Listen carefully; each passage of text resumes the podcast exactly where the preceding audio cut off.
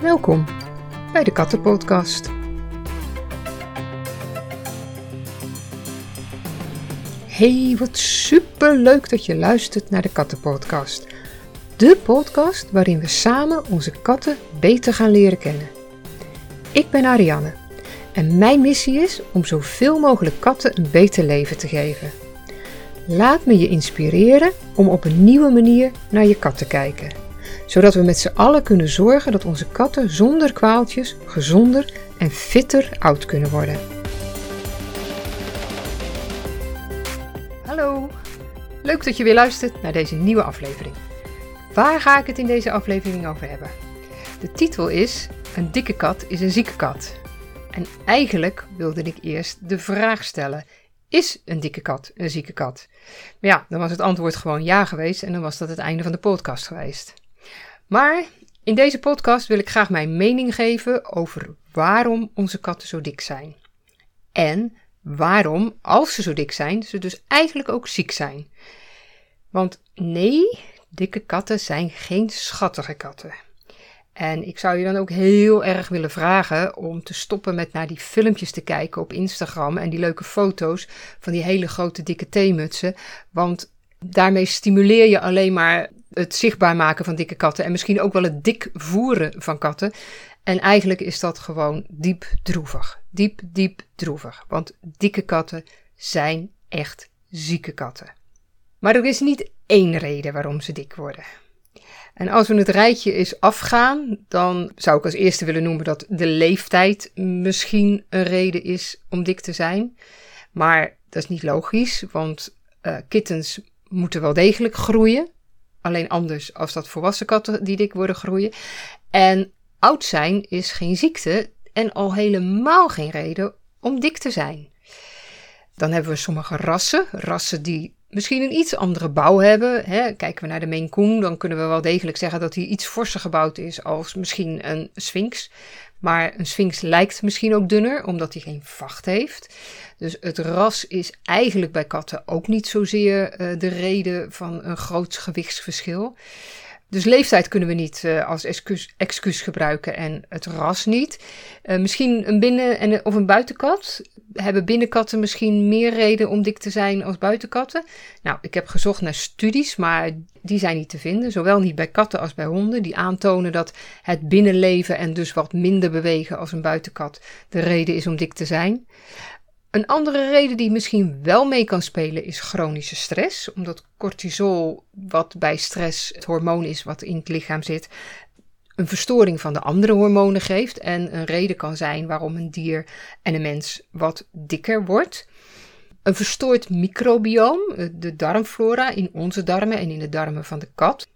Zodra een kat een verkeerd dieet eet, is het microbioom anders samengesteld, leveren andere bacteriën en andere virussen en organismen in de darmen als bij een optimaal dieet. Dus het zou kunnen zijn dat met een verstoord microbioom er een reden is dat een kat wat dikker wordt. En de verteerbaarheid van het voer. Hè? Het is niet zozeer wat de kat eet, maar uiteindelijk gaat het er voornamelijk om wat het lijfje ermee doet. Dat, dat kan invloed hebben waarom een kat dik wordt. En dan hoor ik je zeggen: ho, ho, ho, we hebben het toch over calorieën als we het over dik zijn hebben? Ja, calorieën ook. Calorieën, te veel calorieën eten is natuurlijk zeker een reden om zwaarder te worden, maar het is niet per definitie de reden. Het is niet per definitie zo dat calorieën uh, dik maken. Het gaat wel degelijk om welke soorten calorieën je dan eet. Er zijn goede en er zijn slechte calorieën, zeg ik altijd. De, de, de 100 calorieën broccoli is iets heel anders dan 100 calorieën in suikerklontjes. Dus ja, calorieën spelen ook mee, maar zijn niet zozeer de grote reden dat onze katten dik zijn. Een andere reden is ook nog dat wij als baasjes voer gebruiken om te communiceren met onze katten. En we vaak zien dat mensen hun liefde voor het dier uiten door hem te voeren, door hem te laten snacken. En als een kat naar je toe komt, zeker als je in de keuken staat en, en bij je komt en bij je komt zitten miauwen, dan denken we al gauw dat die kat honger heeft. En ja, die kat die leert natuurlijk ook wel dat als die miauwt dat hij eten krijgt. Maar een miauwende kat hoeft niet per definitie een kat te zijn met honger. een, een, kat die, die miauwt kan ook om aandacht vragen, uh, een aai over zijn koppie of misschien een leuk spelletje spelen. We hoeven miauwen dus niet ook altijd te, te belonen met voer. Een andere reden uh, van dik worden is, die gerelateerd is aan de manier waarop wij voeren, is bijvoorbeeld het feit dat wij onbeperkt voeren. Omdat we denken dat het natuurlijk is. Maar een kat heeft in de natuur geen buffet waar hij de hele dag langs kan lopen. Een kat moet wel degelijk heel veel moeite doen om zijn voer te vinden, jaagt heel veel en lang niet alle jachtpogingen zijn ook gelukt. Dus onbeperkt voeren is misschien niet de manier waarop wij onze katten moeten eten geven. En uh, je doet een kat ook eigenlijk geen plezier met vaak voeren of te veel voeren. En snacken al helemaal niet. Katten snacken niet. Katten hoeven niet als wij een kopje koffie met een koekje drinken ook iets te snacken te hebben. Dat zijn gewoontes die wij ze aanleren, maar die misschien er wel toe bijdragen dat ze dik worden. Ik ben vervolgens online gaan zoeken of ik getallen kon vinden over hoeveel katten er nou te dik zijn. En ja, ik kan heel veel getallen in Amerika vinden, maar het is wat lastiger om in Nederland goede getallen te vinden. Ik vond een uitspraak van Ronald Corbet, die van de Universiteit in Utrecht is, van de faculteit diergeneeskunde, en die zegt 50% van de katten in Nederland heeft een overgewicht. En 10% van die katten heeft zelfs een ernstig overgewicht en dat zouden we dan obesitas noemen. Ik denk zelf dat misschien wel 70% van onze katten een gewicht heeft wat hoger is als het ideale gewicht. En dan is de volgende vraag: wanneer is een kat dan te dik? Ik zei net boven het ideale gewicht, maar hoe weet je nou wat het ideale gewicht is? Bij mensen maken we gebruik van de BMI-score, de Body Mass Index. We geven ons gewicht op en dat delen we door het kwadraat van onze lengte en daar komt een getal uit en dat getal bepaalt of jij een ondergewicht, een ideaal gewicht of een overgewicht hebt. Bij katten gebruiken we die methode niet. Bij katten gebruiken we de methode die de Body Condition Score heet. Dat is een methode waarbij je afbeeldingen van een kat vergelijkt met jouw kat en kijkt bij welke afbeelding jouw kat het meeste past. En dan hebben we een scorekaart waarbij afbeeldingen staan van broodmager tot zwaarlijvig. En in het midden zo'n beetje het ideale gewicht. En aan de hand van die afbeeldingen en kijken naar je eigen kat bepaal je dus waar die kat op die body score schaal zit. Het heeft wel een nadeel. Het is niet altijd even nauwkeurig. Uh, je ziet vaak dat er een onderwaardering van het vetgehalte plaatsvindt. Uh, doordat dikke katten minder actief zijn, hebben ze ook minder spiermassa en een hoger vetgehalte als actieve katten met bijvoorbeeld hetzelfde gewicht. Dus dan komt het niet helemaal overeen. Uiterlijk zien die katten er hetzelfde uit, maar eigenlijk zijn ze van binnen niet helemaal hetzelfde. Heeft de ene kat uh, veel meer een veel hoger vetgehalte als de andere kat. Het is ook heel subjectief, dus het is heel lastig om echt eerlijk en goed te kijken naar jouw kat en dat dan te vergelijken. En we willen allemaal eigenlijk wel heel graag dat, dat onze kat op het goede gewicht zit. Dus misschien neigen we er wel naar om het mooier voor te spiegelen dan het werkelijk is. Als we naar de BMI van onszelf kijken, dan is het gewoon feitelijke rekensommetje. Hè? We, we, voeren ons gewicht in en dan gaan we er even vanuit dat we dat dus eerlijk doen. En we hebben een objectieve lengte van ons eigen lichaam en daar rekenen we mee.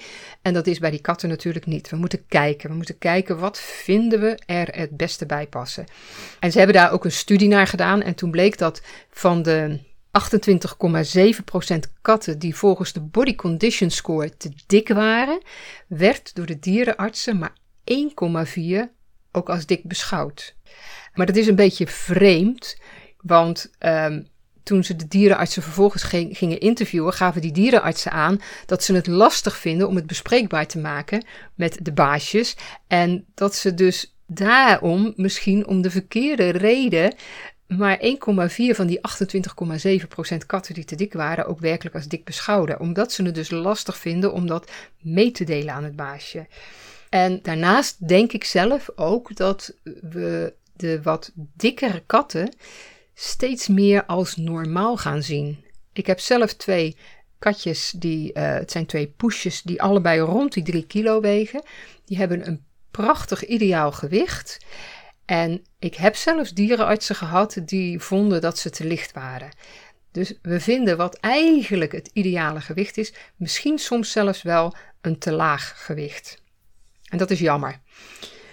Maar hoe dan ook, een dikke kat is dus een zieke kat en een goede reden om je zorgen te maken over het gewicht van je kat. En wat je dan vaak ziet is dat we ook met een kostenprobleem komen. Want we denken vaak dat het veel geld kost om een kat te laten afvallen. Het dieetvoer bij de dierenarts is vrij duur of is hoog in prijs. Het is maar net hoe je het wil benaderen. Maar het zou wel heel droevig zijn als geld de reden is om je kat niet te laten afvallen. En ik denk zelfs dat als dat de reden is dat je uiteindelijk voor een ander kostbaar drama komt te staan als je nu niet ingrijpt, maar op een later moment een zieke kat hebt die een tikkende tijdbom is en die gewoon gigantische dierenartskosten met zich mee gaat brengen. En dan uh, zie je vaak dat baasjes in de problemen komen, hè, dat ze nu de kosten besparen, nu denken dat het niet hard nodig is, nu het geld niet aan dieetvoer willen uitgeven, maar dan op de lange termijn schuiven omdat ze denken, ogenschijnlijk denken dat de kat nu nog steeds gezond is, maar dat misschien al lang niet meer is. Maar het feit is dat een dikke kat een heel groot risico loopt om ziek te worden. En dan is de eerste ziekte waar we aan denken en die ook het meest logische is, is het diabetesverhaal. Diabetes type 2, omdat dat één op één gelinkt kan worden met die dikke kat. Maar er zijn ook kansen op hartproblemen, longproblemen, nierproblemen, blaasproblemen, maar ook artrose. Een dikke kat is te zwaar. Die gewrichten moeten dat gewicht ook kunnen dragen, waardoor de slijtage van de, van de gewrichten eerder optreedt. Er is zelfs een vergrote kans om kanker te krijgen. En ook de levensverwachting wordt verkort. Ik kwam zelfs op de website van de dierendokters tegen dat een dikke kat een twee jaar kortere levensverwachting heeft als een slanke kat of een kat met een ideaal gewicht. En een ander bijkomend probleem wat je met de dikke katten ziet, is dat ze uh, bijvoorbeeld problemen gaan krijgen als ze bijvoorbeeld onder narcose moeten worden gebracht. Dus doordat ze in een slechte conditie zijn en uh, bijvoorbeeld voor hun tandjes of om andere reden dan ook onder narcose moeten worden gebracht, dat dat dus een probleem wordt als ze te dik zijn. Daarnaast zie je, net als bij mensen, dat de dikke katten ook psychische problemen hebben. Katten die te dik zijn, wordt wel degelijk de kwaliteit van het leven aangetast. Ze kunnen zich moeilijker bewegen, hè? dus ze, kunnen, ze zijn in hun kopje natuurlijk uh, dezelfde kat als die magere kat, maar ze kunnen niet vooruit. Ze kunnen niet goed springen, ze kunnen uh, zichzelf niet goed wassen, omdat ze niet meer overal bij kunnen, omdat hun te dikke lijfje dat belemmert. Of ze kunnen zich niet overal meer krabben waar ze jeuk hebben, omdat ze daar niet meer bij komen doordat ze te dik zijn. En bijvoorbeeld ook niet meer op je favoriete plekje kunnen gaan liggen. als jouw favoriete plekje op de vensterbank is of op de kast was en jij kan daar niet meer opspringen, dan is dat wel degelijk een aantasting van je welzijn. En ik zei het net al van, de grootste link met de dikke katten is diabetes type 2. En hoe komt dat? Omdat we eigenlijk, in mijn beleving, één grote schuldige aan kunnen wijzen voor de reden dat die katten te dik worden. En dat zijn de koolhydraten. Nou, dan kan je je afvragen, hoe werkt dat dan? Werkt dat dan niet hetzelfde als bij ons? Ja en nee. We weten natuurlijk inmiddels allemaal dat suiker voor ons ook niet goed is en dat suiker voor ons ook een grote reden is voor overgewicht. Maar dat is het bij de kat ook en eigenlijk misschien nog wel erger als bij ons. Want katten maken al hun glucose, dus de brandstof die iedere cel nodig heeft, zelf. Wij kunnen goed gebruik maken van de koolhydraten die we eten en de energie die daarin zit. Maar katten maken eigenlijk alleen maar gebruik van eiwitten als bron van energie. Dus op het moment dat wij katten koolhydraten gaan laten eten, en koolhydraten in de vorm van suikers, zetmeel, dan, dan krijgt die kat meer energie binnen als dat hij nodig heeft, want hij maakt zijn eigen energie, hij maakt zijn eigen glucose al uit de eiwitten die hij heeft. En dat is ook de reden dat katten zoveel meer eiwitten moeten eten als dat wij moeten en als dat honden bijvoorbeeld moeten, omdat ze die nodig hebben om in hun energiebehoeften te voorzien. En ook al voeren wij ze energie in de vorm van koolhydraten, dat lijfje blijft bezig om die glucose aan te maken. Dus je krijgt een ongelofelijke overkill aan, aan energie in het lijfje. En die snelle koolhydraten komen dan ook heel snel in het bloed terecht. Geven een gigantische piek in de bloedsuikerspiegel, die stijgt, waardoor de insuline nodig is, waardoor er een daling van de bloedsuiker plaatsvindt, waardoor de kat weer honger krijgt en weer gaat eten. En waarbij je dus heel snel ziet dat koolhydraten blijven vragen om koolhydraten. In ieder geval, het lijfje vraagt om eten en als er alleen maar koolhydraten in het voerbakje zitten, heeft die kat natuurlijk geen keuze en eet hij opnieuw die koolhydraten en krijgt hij dus een rollercoaster, een hele wilde achtbaan in zijn bloedsuikerspiegel. En dat kan het lijfje uiteindelijk niet meer aan en dan zie je het ontstaan van suikerziekte, van diabetes type 2. En bij mensen was vroeger diabetes type 2 een ouderdomsziekte. Dat zou het eventueel bij een kat ook kunnen zijn, maar we zien het al bij hele jonge dieren van twee jaar. Die zien we al suikerziekte krijgen. En katten krijgen in de natuur gewoon geen diabetes. Want katten eten in de natuur geen koolhydraten. Wat is dan de oplossing? Nou, de oplossing is om te zorgen dat die suikerspiegel stabiel blijft. En hoe doe je dat? Door dus geen koolhydraten te eten. Maar er zijn meer redenen waarom die koolhydraten schadelijk zijn. Dus niet alleen om, vanwege het stijgen van die bloedsuikerspiegel, waardoor de insuline omhoog gaat en er dus vetopslag plaatsvindt, want dat is wat die insuline doet. Die insuline die zorgt ervoor dat al die suiker, al die, die glucose uit de bloedbaan gehaald wordt, omdat die te hoog wordt. En het enige wat, wat je er dan mee kan doen, is het opslaan. Dus als er iets is wat vet creëert in het lijfje van de kat, maar ook in ons lichaam, zijn dat koolhydraten. Die moeten uit de bloedbaan gehaald worden en die moeten ergens heen. Nou, we kunnen geen suiker opslaan. We hebben geen suikerreserves in ons lichaam. Het enige kleine beetje suikerreserve wat we hebben is in de vorm van glycogeen. Er zit wat in de spieren, maar dat is om snel te kunnen vluchten in geval van gevaar. Maar verder worden alle koolhydraten opgeslagen in de vorm van vet. Maar koolhydraten verstoren ook de mineralenbalans. Koolhydraten maken bijvoorbeeld de opname van calcium en magnesium moeilijker. En ik zei net al dat die koolhydraten door het effect dat ze de kat dik maken al de boosdoener zijn als het gaat om het ontstaan van onder andere artrose. Maar door de opname van calcium onder andere te vermoeilijken, wordt dus ook de botkwaliteit aangetast door het eten van koolhydraten. Ik zei ook al van koolhydraten verstoren de darmflora, hè, doordat we verkeerde dingen eten, doordat we de kat verkeerde dingen laten eten, komen er dus andere bacteriën in die darmflora terecht als dat er zouden moeten zitten. Dus de darmflora wordt veranderd, waardoor bijvoorbeeld een schimmel als candida kans krijgt om toe te slaan. Koolhydraten verhogen het risico op kanker en hartproblemen. En door de overmaat van koolhydraten worden ook nog eens de neurotransmitters in je hersenen overgestimuleerd, waardoor je een kat krijgt die heel erg onrustig kan worden. Of een beetje uh, een nerveuze kat, uh, of lusteloos, juist andersom, het lusteloos worden. Koolhydraten ontregelen dus het honger- en verzadigingsgevoel. Want ook al heeft de kat genoeg gegeten, op het moment dat hij een, een hele grote dip krijgt, doordat de insuline alle glucose uit het bloed probeert weg te halen, krijgt de kat weer honger, terwijl die eigenlijk misschien helemaal nog niet aan eten toe was. Dus je krijgt een, een ontregeling van het honger- en het verzadigingsgevoel, waardoor de kat dus niet meer weet dat hij al genoeg gegeten heeft en weer extra trek krijgt en weer een piek in de suikerspiegel krijgt. De nieren komen in problemen door koolhydraten. En wat we natuurlijk vandaag de dag ook heel vaak zien uh, en horen, zijn de laaggradige ontstekingen of de stille ontstekingen. Dat zijn ontstekingen overal in het lichaam, die overal in het lichaam optreden. En dat zijn geen ontstekingen zoals je een wond hebt, een, een open wond die, die ontsteekt. Dit zijn laaggradige ontstekingen, dit zijn steriele ontstekingen, maar die zijn verdraaid vervelend. Want ook die kunnen bijvoorbeeld in de gewrichten zitten en die kunnen die artrose weer verergeren. Dus je ziet dat er een, een, een, cirkeltje ontstaat van allerlei factoren die elkaar beïnvloeden en het, het probleem van het koolhydraten eten alleen maar groter maken. Dus in mijn beleving, hè, we weten bij mensen dat suikers verslavend werken. En in mijn beleving doen ze dat dus ook bij katten. Ook katten, ze proeven het niet. Hè. Ze, proeven, ze kunnen geen zoet proeven. Daar, hebben ze, daar missen ze een bepaald gen voor. Maar dat wil niet zeggen dat de hersenen de suikers niet signaleren. Dus de hersenen reageren wel degelijk op het eten van die suikers.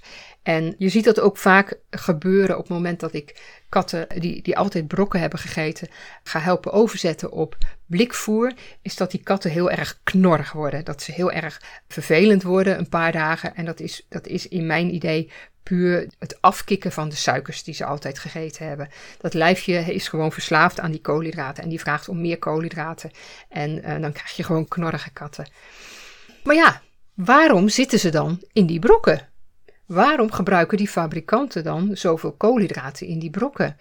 Nou, dat heeft ermee te maken dat het produceren van brokken vraagt om zetmeel. De meest gebruikte methode om brokken te maken vraagt om zetmeel omdat zetmeel een bindmiddel is. Suiker is een bindmiddel en je kan dat goed zien als je bijvoorbeeld jam eet. Jam bevat ontzettend veel suiker, maar daar wordt dus ook suiker toegevoegd om de vruchtenbrei te binden en tot een beetje geleiachtige massa te maken. Nou, daarvoor zijn ze ook nodig in die brokken. Als de fabrikant er geen zetmeel in zou doen, dan zouden die brokken uiteindelijk uh, volledig uit elkaar vallen als ze eenmaal gedroogd zijn. En dan heb je een zak met poeder en niet een zak met brokken. Daarnaast is het als voordeel voor die fabrikant dat het ook een hele goedkope grondstof is tarwe, mais, rijst. Het zijn allemaal hele goedkope grondstoffen. En sommige brokken, en eigenlijk wel heel veel brokken, die zitten toch wel aardig rond die 35%. Maar er zijn zelfs brokken en van de grote gerenommeerde merken, waarvan iedereen denkt dat hij een premium merk koopt, maar waar wel tot bijna wel 50%, dus de helft van ieder bakje brokken, bestaat uit koolhydraten, bestaat uit suikers. Dus als je je nog afvraagt waarom onze katten allemaal zo dik zijn, denk dan even hierover. En ook al staat het niet op de verpakking, want dat hoeft niet. Hè? De fabrikant hoeft de suikers niet te vermelden op de verpakking, maar ze zitten er wel degelijk in. En in mijn online cursus leg ik je ook uit hoe je ze zelf kan berekenen, hoe je zelf kan uitrekenen hoeveel koolhydraten in het voer zitten. En als jij denkt dat ze er niet in zitten, omdat er geen woordje suiker of geen woordje koolhydraten op de verpakkingen staat, ga dan echt eens een keertje rekenen, want je schrik je helemaal lam. Maar goed, als we dus een kat hebben die eenmaal te dik is, weten we uit onze eigen ervaringen, heel veel mensen hebben zelf al één of meerdere keren een dieet gedaan, dat afvallen heel erg lastig is. En het is in huishoudens met meerdere katten zelfs nog wat lastiger. Als je bijvoorbeeld maar één kat hebt die af moet vallen en één kat hebt die op afwijkend voer moet worden gezet. Dat, dat kan op zich al een uitdaging zijn. Maar dierenartsen bieden hele scala's aan dieetvoer aan. En toch zien we dat dat voer niet het gewenste resultaat oplevert. Katten vallen maar moeizaam af als ze al afvallen. Het lijkt er dus op dat al dat dieetvoer van die dierenartsen, dat dure dieetvoer van die dierenartsen, het gewichtsprobleem van onze katten niet oplost. En dat is logisch. Dat is voor mij zo klaar als een klontje. Want kijk je ook naar die verpakkingen, dan zitten die brokken die die dierenarts jou als dieetvoer speciaal om je kat te laten afvallen aanbiedt, zitten die brokken nog steeds vol met koolhydraten. Dus de calorieën van het zetmeel in die brokken zijn nog steeds te veel voor wat de kat nodig heeft. De kat heeft geen energietekort. Dat lijfje waar al dat vet is opgeslagen, is één grote bron van calorieën in de vorm van vet. Als wij ze gaan voeren met het dieetvoer van de grote merken, de kleinere merken, de merken die de dierenarts zelf maakt en aanbiedt, dan blijven we de kat voeren met zetmeel, met koolhydraten. En dat was wat we niet willen. Want dat wordt weer als vet opgeslagen en daar willen wij onze katten van afhelpen. Die kat die maakt zelf zijn glucose aan. Die hoeft nul koolhydraten te eten. En elke gram koolhydraten, of we dat in gewoon voer of in dieetvoer doen, is te veel. En alles wat te veel is aan energie in het lijfje wordt opgeslagen als vet. Hoe hard de fabrikanten van het voer ook beweren dat koolhydraten een goede bron van energie zijn, dat zijn ze niet voor katten. Als katten veel eiwitten nodig hebben en geen behoefte aan koolhydraten hebben in hun voer, wordt het hopelijk duidelijk voor jou dat het dieetvoer van de dierenarts niet tot het gewenste resultaat gaat leiden.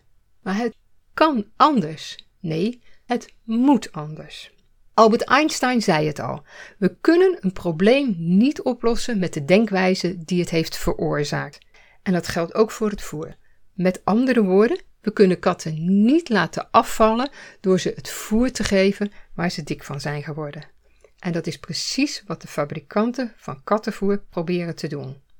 Dus wat moeten we wel doen als we enigszins een kans van slagen willen hebben om een kat te laten afvallen? Is het heel makkelijk. We moeten ze geen brokken voeren. We moeten ze een ander voer voeren wat dichter bij hun natuur staat, wat dichter bij de manier van, van eten staat die ze in de natuur doen, die ze in het wild doen, die hun lijfje goed kan handelen. En dat is ze nat voer geven. Nat voer, blikvoer bijvoorbeeld, waar geen granen in zitten, waar geen plantaardige voedingsstoffen in zitten, of zelfs rauwvoer, wat natuurlijk nog mooier is, maar niet voor iedereen weggelegd. Maar in ieder geval geen brokken. Geef het kattenlijfje de gelegenheid om de eigen vetreserves te gebruiken en dat doe je door ze geen koolhydraten te voeren. Op het moment dat een kat dan dus niet eet tussen de maaltijden, zie het als een vorm van vasten. We zien, we zien nu in de, in de humane wereld ook steeds meer dat vasten wordt gepromoot als middel om af te vallen. We kunnen katten niet zo lang laten vasten als dat we onszelf kunnen laten doen, of als dat we bijvoorbeeld honden kunnen laten doen. Maar tussen de twee maaltijden in vaste katten in principe ook. En het zou wel heel droevig zijn als een kat die uh, niet eet, dood neer zou vallen omdat hij geen energie meer in zijn lijfje heeft, omdat hij geen calorieën meer in zijn lijfje heeft.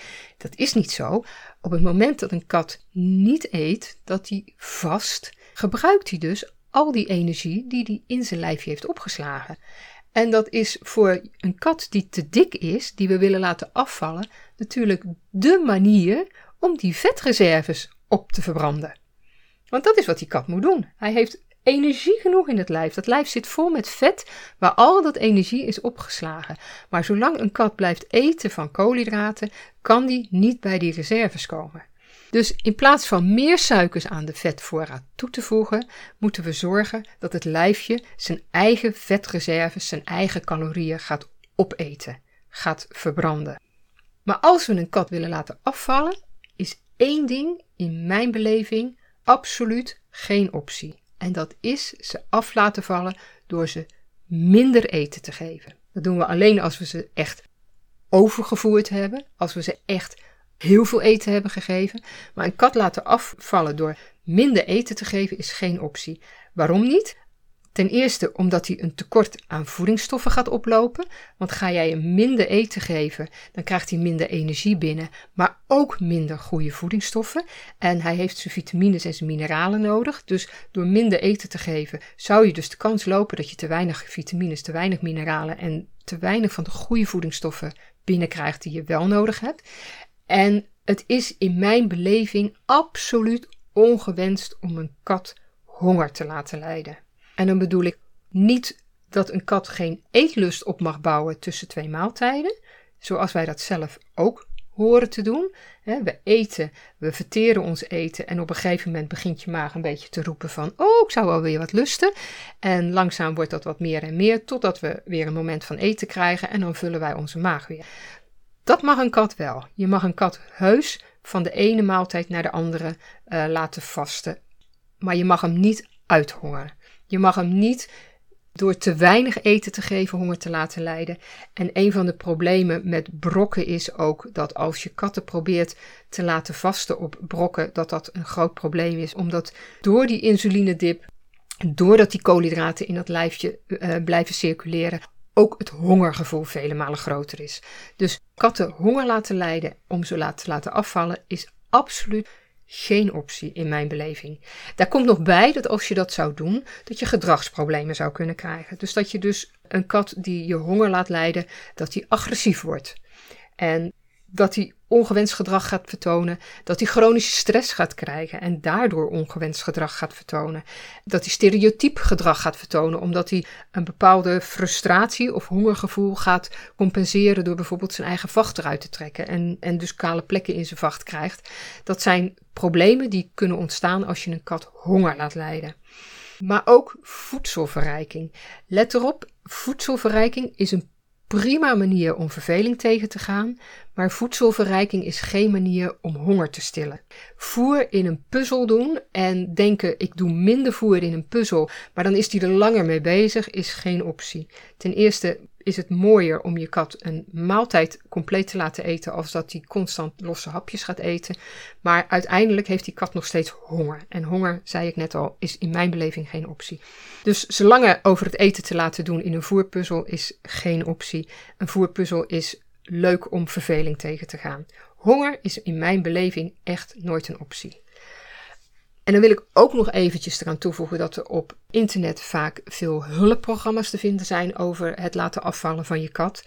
Of boeken. Hou er alleen dan wel rekening mee dat daar heel vaak een voerfabrikant achter zit. En dat dat soort programma's dus gebaseerd zijn op het gebruiken van hun dieetvoer. En dat is vaak dan ook weer in de vorm van brokken. Het is een vorm van klantenbinding, het is een marketingvorm. Het lijkt erop alsof die fabrikant jou heel graag wil helpen met het laten afvallen van je kat. Maar eigenlijk is die jou gewoon weer nieuw voer aan het verkopen. Dus let daar ook op dat je dan nog steeds met brokken bezig bent. En dat, dat het een vorm van klantenbinding is. Het laten afvallen van een kat is een langdurig proces gaat niet van de ene op de andere week, maand of misschien zelfs nog niet van het ene op het andere jaar. Dat ligt eraan hoeveel jouw kat moet afvallen en hoe lang die al heel dik is. En op die manier proberen die fabrikanten jou dus op hun dieetvoer te houden en jou als klant te houden. En bedenk je dat ook even bij de dierenarts. Hè? De dierenarts die jou voer verkoopt en die jou terug laat komen voor regelmatige controles. Om jou zogenaamd te motiveren dat daar uh, misschien ook andere motivaties vanuit die dierenarts achter zitten. Het gaat er dus niet zozeer om dat je een kat minder calorieën gaat geven. Het gaat erom dat je een kat andere vormen van voer geven, waardoor je het je kat makkelijker maakt om uiteindelijk zijn eigen vetreserves op te eten en af te vallen. En het kan absoluut dat oudere katten optimaal gezond en optimaal fit zijn. Tot zover deze aflevering. Ik hoop dat je er weer iets van hebt opgestoken. Als je meer informatie wilt, kan je altijd op de website kijken. Ook deze aflevering krijgt weer een eigen uh, show notes pagina. Ga naar www.voerverkatten podcast en vind daar deze aflevering en de show notes.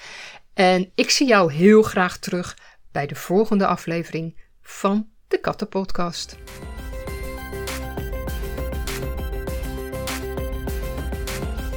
Dankjewel voor het luisteren naar deze aflevering van de Kattenpodcast.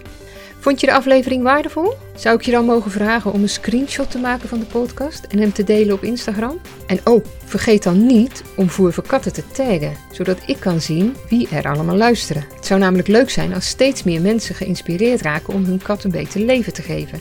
En ik zou dat echt geweldig vinden. En als jij zelf nou iemand kent voor wie deze podcast heel interessant zou kunnen zijn, tip hem of haar dan.